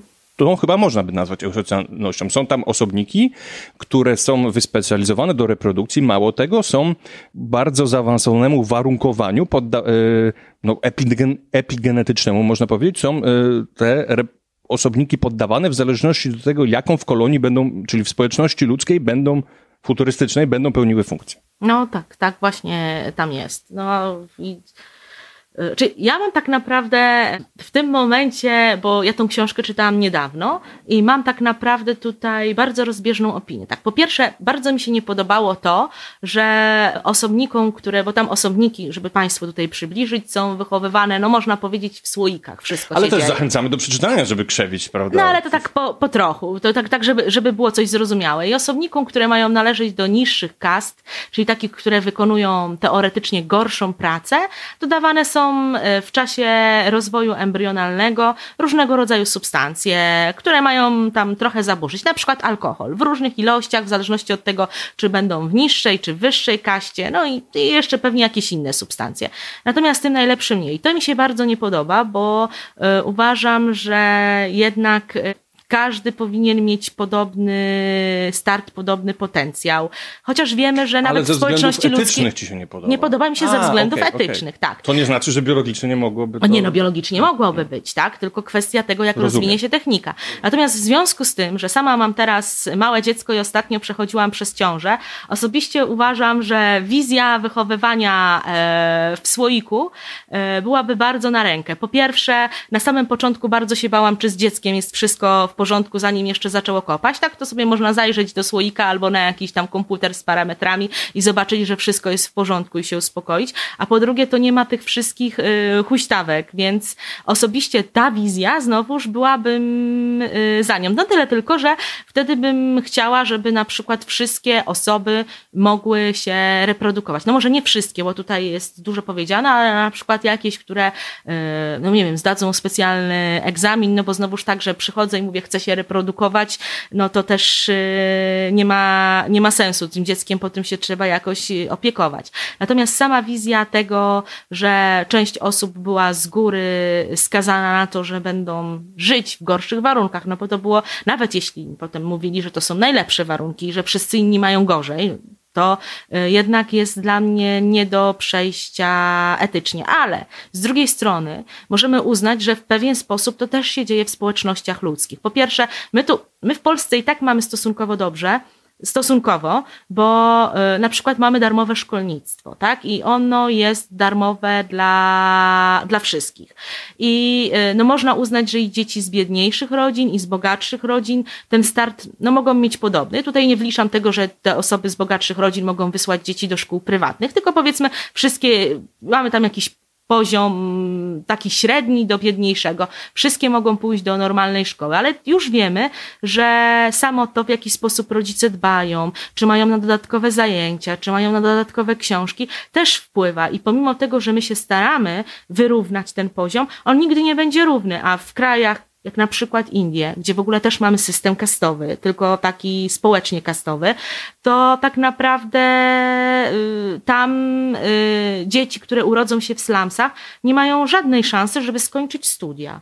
Albo szanse są bardzo, bardzo małe, jeśli uda im się trafić do jakiejś y, darmowej szkoły, jeśli będą wybitnie zdolne. Tak jest. Myślę, ja osobiście, że w społeczeństwie, mm, jeśli ono się utrzyma, no bo nie wszędzie oczywiście to na ziemi jest, tam gdzie występuje człowiek, takie mm, płciowo-demokratyczne społeczeństwo, jest pewna presja kulturowo-ewolucyjna, żeby jednak do tych mm, ciąż, załóżmy w jakichś sztucznych macicach dochodziło, czy ewentualnie mm, istnienie jakichś surogatek. To może być też wstęp do eusocjalności, dlatego że no jednak mm, mm, jest to pewne obciążenie i biologiczne, i też kulturowe dla kobiety. No, samo przechodzenie tej ciąży i tak dalej, i tak dalej. Więc jakaś presja może na to być. Znaczy, no, znaczy myślę, że tak, natomiast no, yy, znaczy tutaj powiem znowu z drugiej perspektywy takiej, że yy, samo przechodzenie ciąży jest oczywiście fizycznie, yy, znaczy no nie dla wszystkich kobiet. Znam takie kobiety, które przechodzą ją świetnie. Ja już nawet nie mówię o, o samym odczuciu, takim poczuciu yy, fizycznym, że się tam coś zmienia i że takie różne rzeczy, ale samo, sam ten strach taki, czy z dzieckiem jest wszystko w porządku, czy nie, czego, czego nie widzimy, no to oczywiście jest dla kobiety e, dosyć e, obciążające. Natomiast e, już samo to, że pojawia się dziecko, to, to też zmienia sytuację, no ale to już nie ma znaczenia, czy będzie to surogatka, czy ktoś weź sobie Tak. to dziecko zabierze. No tak? i wtedy też dla mężczyzny też jest Nie, nie, nie, to ja nie mówię tutaj o kobiety, tylko obciążające w ogóle. No Tak, dla mężczyzny oczywiście też. Ale chodzi mi, że ten okres, no jednak jeżeli mamy powiedzmy mm, taką demokrację płciową i kobiety mogą pełnić takie same stanowiska według własnych chęci, e, umiejętności i tak dalej, i tak dalej, Tak. no to jednak jakoś to tam przeszkadza. Chodzi mi, te, ja, żeby nie było, ja teraz tego nie oceniam, tylko przy, znaczy przypuszczam. Tak, tak no, że- można, można ciążę znosić tak totalnie źle, że trzeba iść na zwolnienie i wtedy automatycznie, no zależy jeszcze jaka praca, ale może być tak, że część jakiejś tam pracy się przystopuje. No i na przykład będzie gorsza płaca wtedy, albo na przykład pracodawca ma wtedy większą motywację, żeby na przykład być może zatrudnić mężczyznę. No nie wiem. Y, Osobiście uważam, że na pewno tak, y, tak jest. Więc to, to już, sama, już sama ciąża. Potem zresztą też okres, jak dziecko jest y, małe, to, to dużo zależy od partnera i dobrze, że teraz się na tyle zmieniło spojrzenie, że tatusiowie y, pomagają. Natomiast, y, czy no pomagają, no właściwie opiekują się, bo jeżeli jest tatuś, który y, jest, czuje się tatusiem, to on się na równi opiekuje, ale jednak jak jest małe dziecko, to chociażby to, że kobiety też y, karmią część, część i teraz większa, y, jest tendencja do tego, że karmią piersią, no to też się tego dziecka gdzieś nie zostawi. Trzeba mieć odpowiednio wolne w pracy. To oczywiście reguluje e, prawo, przynajmniej u nas w kraju w jakiś tam sposób, ale no jednak z punktu widzenia pracodawcy może to być y, problem. Więc takie, ja, tą, ja osobiście uważam, że takie słoiki to nie byłby do końca, nie byłby do końca problem. Znaczy się, ja, ja No jeśli dzieci by się zdrowe rodziły. W szczególności, że może można by było właśnie tego bardziej dopilnować, żeby, bo no nie czarujmy się, ale duża część kobiet na przykład, ja, ja nie mówię o takich, co piją notorycznie, ale zdarzają się takie sytuacje, że kobieta na przykład jeszcze nie wie, że jest w ciąży i na przykład wypija kieliszek y, czy tam dwa alkoholu, a tak naprawdę nie ma, nie znamy dawki, która by była dla dziecka bezpieczna. Można być w pierwszym albo w drugim miesiącu i już wpłynąć na płód. I tutaj, jeśli już płyniemy, to płyniemy. Tak. I tutaj widzę super presję kulturową mm, na, na tą eusocjalność, czyli na osobniki bardziej wyspecjalizowane do reprodukcji. Okej, pojawia się mm, możliwość sztucznych macic, czy tych słoików, jak ty mówisz, do tak zaawansowana i sprawdzona, że rodzą się zdrowe dzieci, a być może nawet statystycznie zdrowsze. I teraz są pewne rodziny, które nie są z tego w stanie dopilnować i pojawia się odgórny zarządca, który dla zdrowia ludzi stwierdza, e, ty nie możesz mieć dzieci. Przynajmniej dopóki o siebie nie zadbasz, ty możesz. I pojawia się, po- pojawiają się osobniki wyspecjalizowane, no, można powiedzieć. No, no, no można, tak, znaczy, kwestia jest też tego, na ile by się ludzie potem na to zgodzili, yy, na ile by te instynkty były zachowane w takiej sytuacji, bo ja podejrzewam, że u pszczół jednak te instynkty są, to już wracając do pszczół dalej, na innym poziomie, więc może by to ludziom po prostu potem nie przeszkadzało i na to, czy będą to dziecko wychowywać, czy ktoś je będzie wychowywał, bo we wspomnianej książce rodzice nawet wyspecjalizowani w ogóle nie mieli dostępu do dzieci. Te dzieci były wychowywane w czymś w rodzaju, nie, nie wiem, no, nie ciężko nazwać domu dziecka, ale takich miejsc, y, gdzie, gdzie miały wpajane pewnego rodzaju zachowania, one były wręcz behawioralnie e, sterowane, że mają się w jakiś określony sposób zachowywać. No jeśli chodzi o zarządzanie, no to tam to było raczej tota, totalitarne, tak? Czyli Tak. po prostu rzeczywiście centralna władza miała bardzo dużo do powiedzenia. No, mm, dlatego mówiłem o kulturowym tutaj raczej presji, a nie takiej stricte powiedzmy genetycznej. Natomiast e, jedno jakby wpływa też na drugie, e, to kulturowe, ale jednak ma taką właściwość, że może się odbywać szybciej. Dlatego sobie tak rozważamy, prawda? Bo to by, jak sobie dzisiaj to wyobrażę, to myślę, że 150 lat mogłoby to zaistnieć na przykład. No, to- znaczy się, no na pewno tak, no już tutaj wspomniałam, e, ja nawet wspomniałam o tych egzaminach, e, które przechodzić się powinno, żeby w ogóle mieć, mieć dziecko, ale to może dlatego, że jak czasami patrzę na przekrój społeczeństwa i widzę, jak niektórzy ludzie są nieodpowiedzialni. Ja nie mówię o, nie, o, nie, o byciu nieodpowiedzialnym, nie wiem, czasami przez przypadek, bo to się zdarza każdemu, ale takim częściowo od, nieodpowiedzialnym całościowo, to ja najchętniej bym takie egzaminy wprowadziła. Natomiast No niestety zdaję sobie sprawę, że to nie byłoby dobre, ponieważ to by była dobra droga do jakichś nadużyć. Ktoś by na przykład wskazał, że e, ten jest moim kolesiem, to może mieć dziecko, a ten nie, bo go nie lubię, to nikogo mieć nie będzie. Więc e, no tutaj bym tak daleko jednak tak. się nie posunęła. Nie, nie, ale żeby nie było. Ja to wszystko, co mówię i, i to jakby bez oceniania etycznego, tylko hipotetycznie studiuję sobie wizję, czy co, co, co jest możliwe. Znaczy, no jest to możliwe i wszystko jest Natomiast możliwe w takiej doświadczenie sytuacji. znaczy doświadczenie, wiedza historyczna na temat ewolucji, biologii pokazuje, że no, wszystko istnieje tymczasowo, więc prawdopodobnie tak jak nasze społeczeństwo wygląda teraz, no kiedyś go nie będzie, prawdopodobnie, no tak mi się wydaje. No ja też podejrzewam, że może nastąpić jakiś krach i wtedy nasze rozważania w ogóle nie będą miały sensu, tak ponieważ tak może będziemy musieli znowuż się zaopatrzyć w kije i w kamienie. Tak jest, no po prostu dyskutujemy sobie też dla przyjemności. Oprócz tego, że popularyzujemy tutaj wiedzę, to ten wątek science fiction był tak bardziej filozoficzny dla przyjemności, ale dlaczego nie?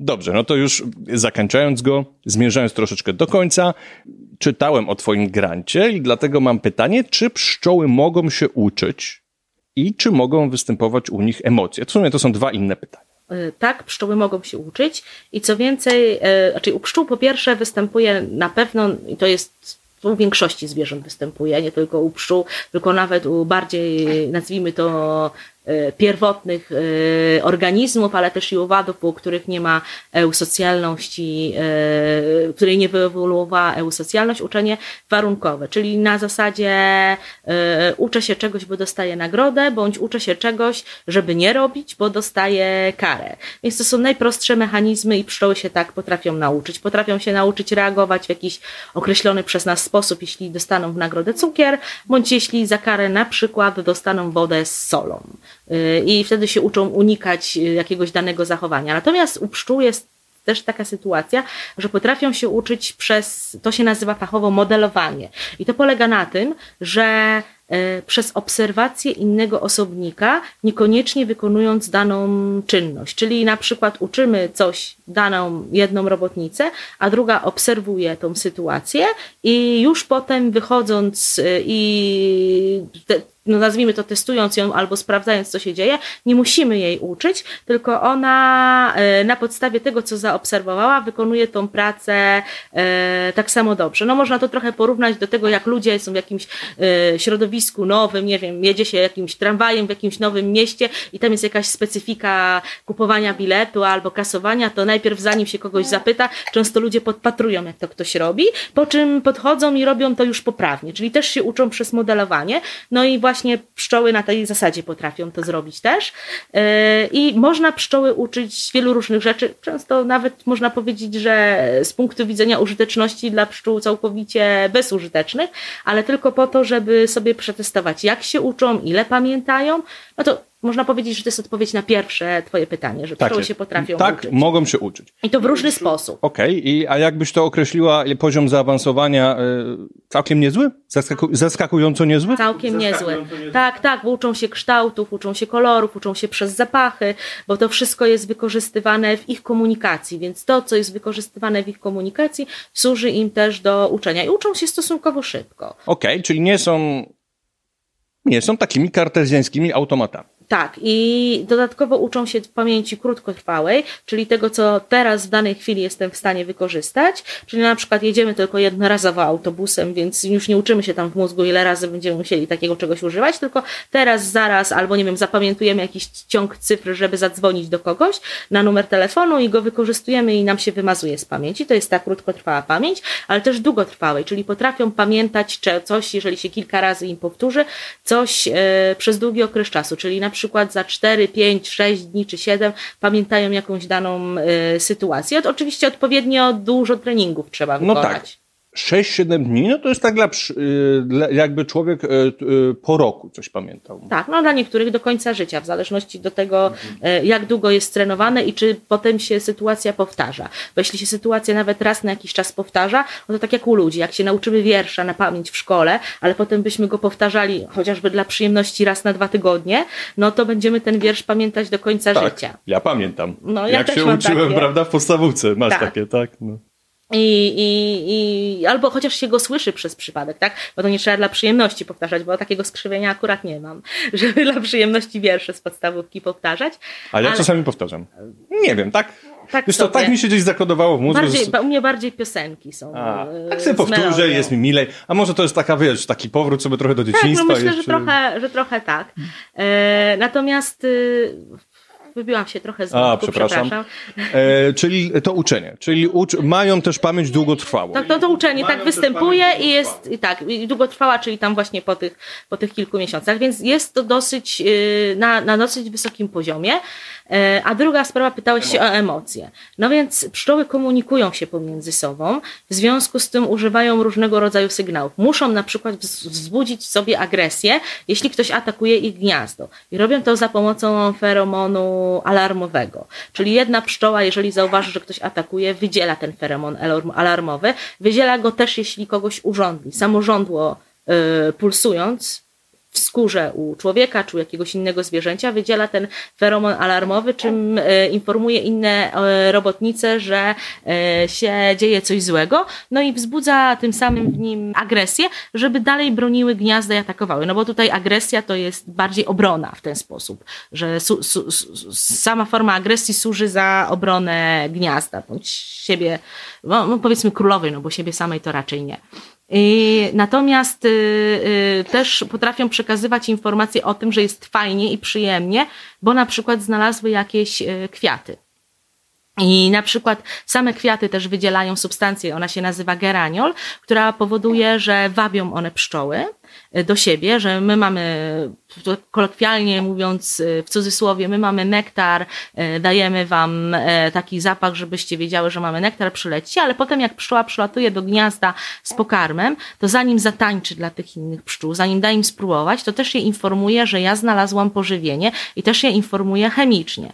No i tu akurat mówimy o takich dwóch skrajnych zapachach, które, czyli dwóch zapachach, które wzbudzają skrajne emocje, a mianowicie jedna to jest agresja, ale też w zbyt dużej ilości feromon alarmowy wzbudza takie trochę zniechęcenie. Jakby pszczoły wystawić na dużą ilość feromonu alarmowego, to one, no nie ciężko powiedzieć, że mdleją, ale stają się apatyczne. Czyli jak jest na odpowiednim poziomie wróg, to możemy atakować, ale jak już, już za wysoko, za dużo tego wrogu, e, za dużo tego wroga, przepraszam, to już lepiej się jakoś wycofać e, i one są wtedy apatyczne.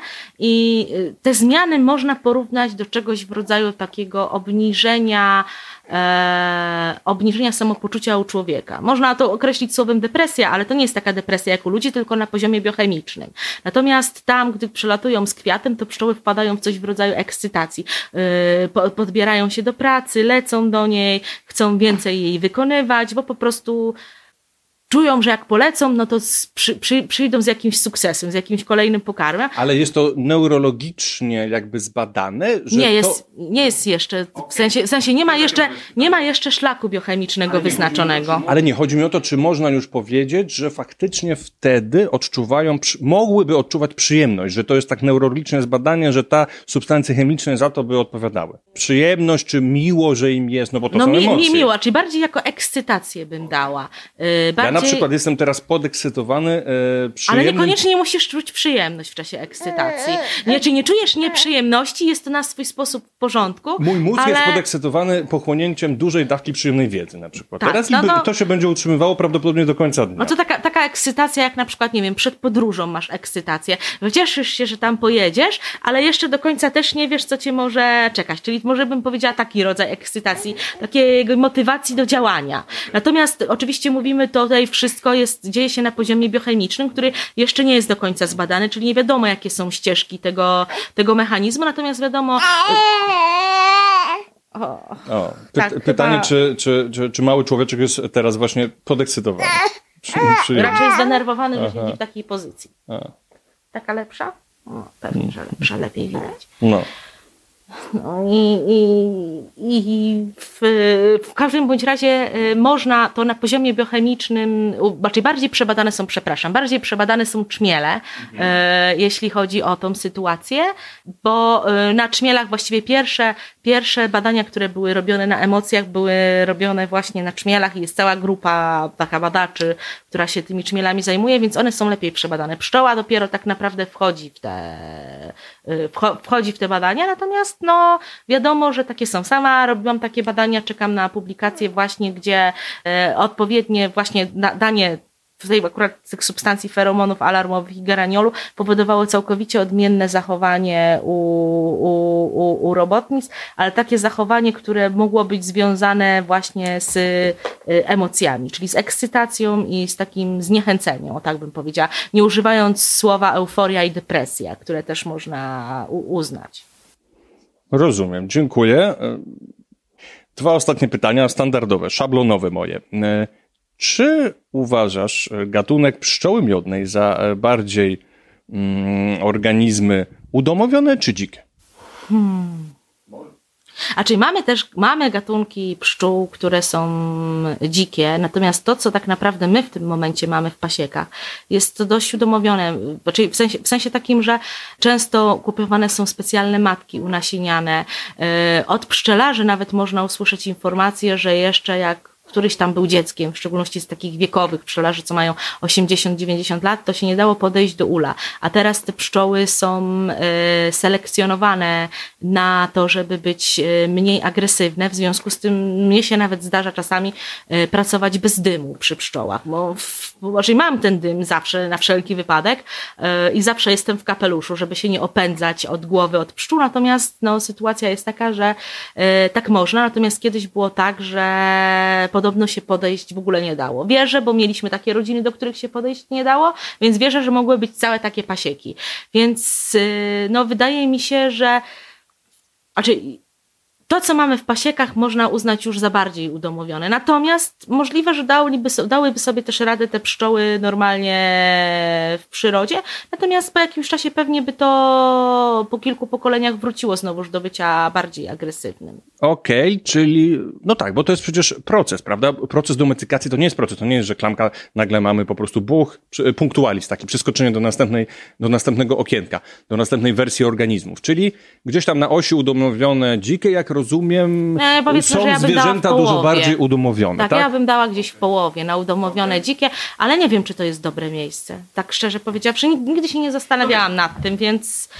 Zależy oczywiście, jakie populacje, bo na przykład afrykańskie Pewnie inaczej. Tak. Tam... Y, znaczy podejrzewam, że gdybyś tutaj rozmawiał z pszczelarzem, który y, zajmuje się taką typową gospodarką pasieczną, to on by to w ogóle umiejscowił gdzie indziej. Jeszcze by stwierdził, co ta no i by naukowiec co tak głupio mówi, w ogóle się na tym nie zna. I tutaj przyznam się szczerze, że y, no nie, nie, nie, nie umiem dobrze odpowiedzieć. Pytałem Karolino i mm, mam już kilkadziesiąt odpowiedzi różnych i ja za, za, zauważ, że tutaj nie nakierunkowuję e, pytającego e, i w jakim sensie ma odpowiadać, czy genetycznym, czy, czy gospodarczym, czy behawioralnym. Każdy odpowiada jak, jak chce i zamierzam e, zebrać to sobie jakoś tak poszeregować i może coś opublikować, zobaczymy, e, co mi wyjdzie. No to jest taka Jeszcze praca, musisz bo ja podzielić wiem. to przynajmniej na to, czy mówili to osoby naukowcy, czy laicy, czy pszczelarze. Tak jest. mogę ci powiedzieć, że na razie może coś mi wyjdzie, ale na razie tak bez szeregowania to nie wiem, co wyjdzie, dlatego, że są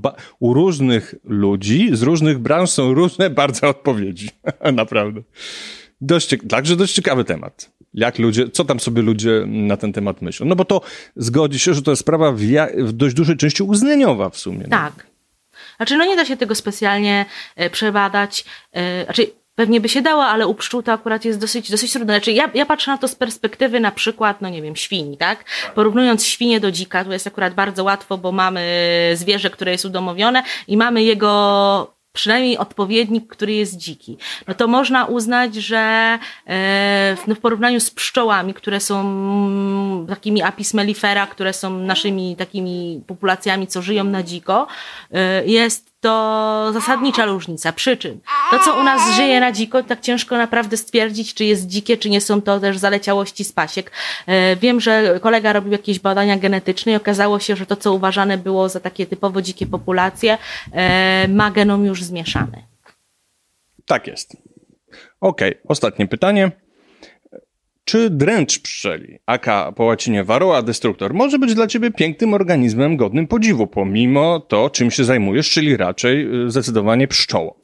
Ale oczywiście, że tak. Ja, znaczy ja w ogóle nie mam tendencji do tego, żeby uważać, że jakiś organizm jest ważniejszy bądź mniej ważny, bądź jeden jest pożyteczny, bądź drugi jest mniej pożyteczny. Pożyteczność rozpatrujemy tylko z punktu widzenia ludzkiego, więc e, z punktu widzenia przyrodniczego każdy jest w pewien sposób tak samo ważny, a skoro istnieje, to na dodatek jest tak samo dobry e, w pewnym sensie.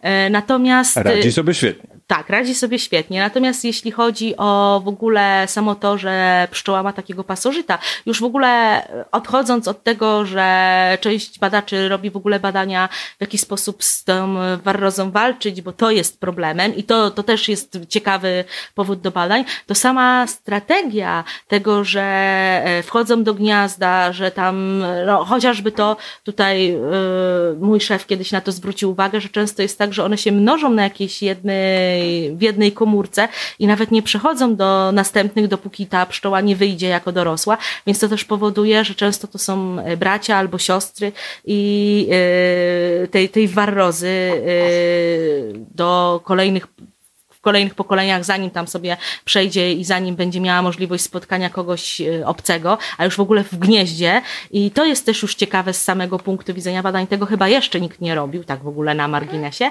ale sama, same strategie pasożytów to jest zawsze bardzo ciekawy temat do badań.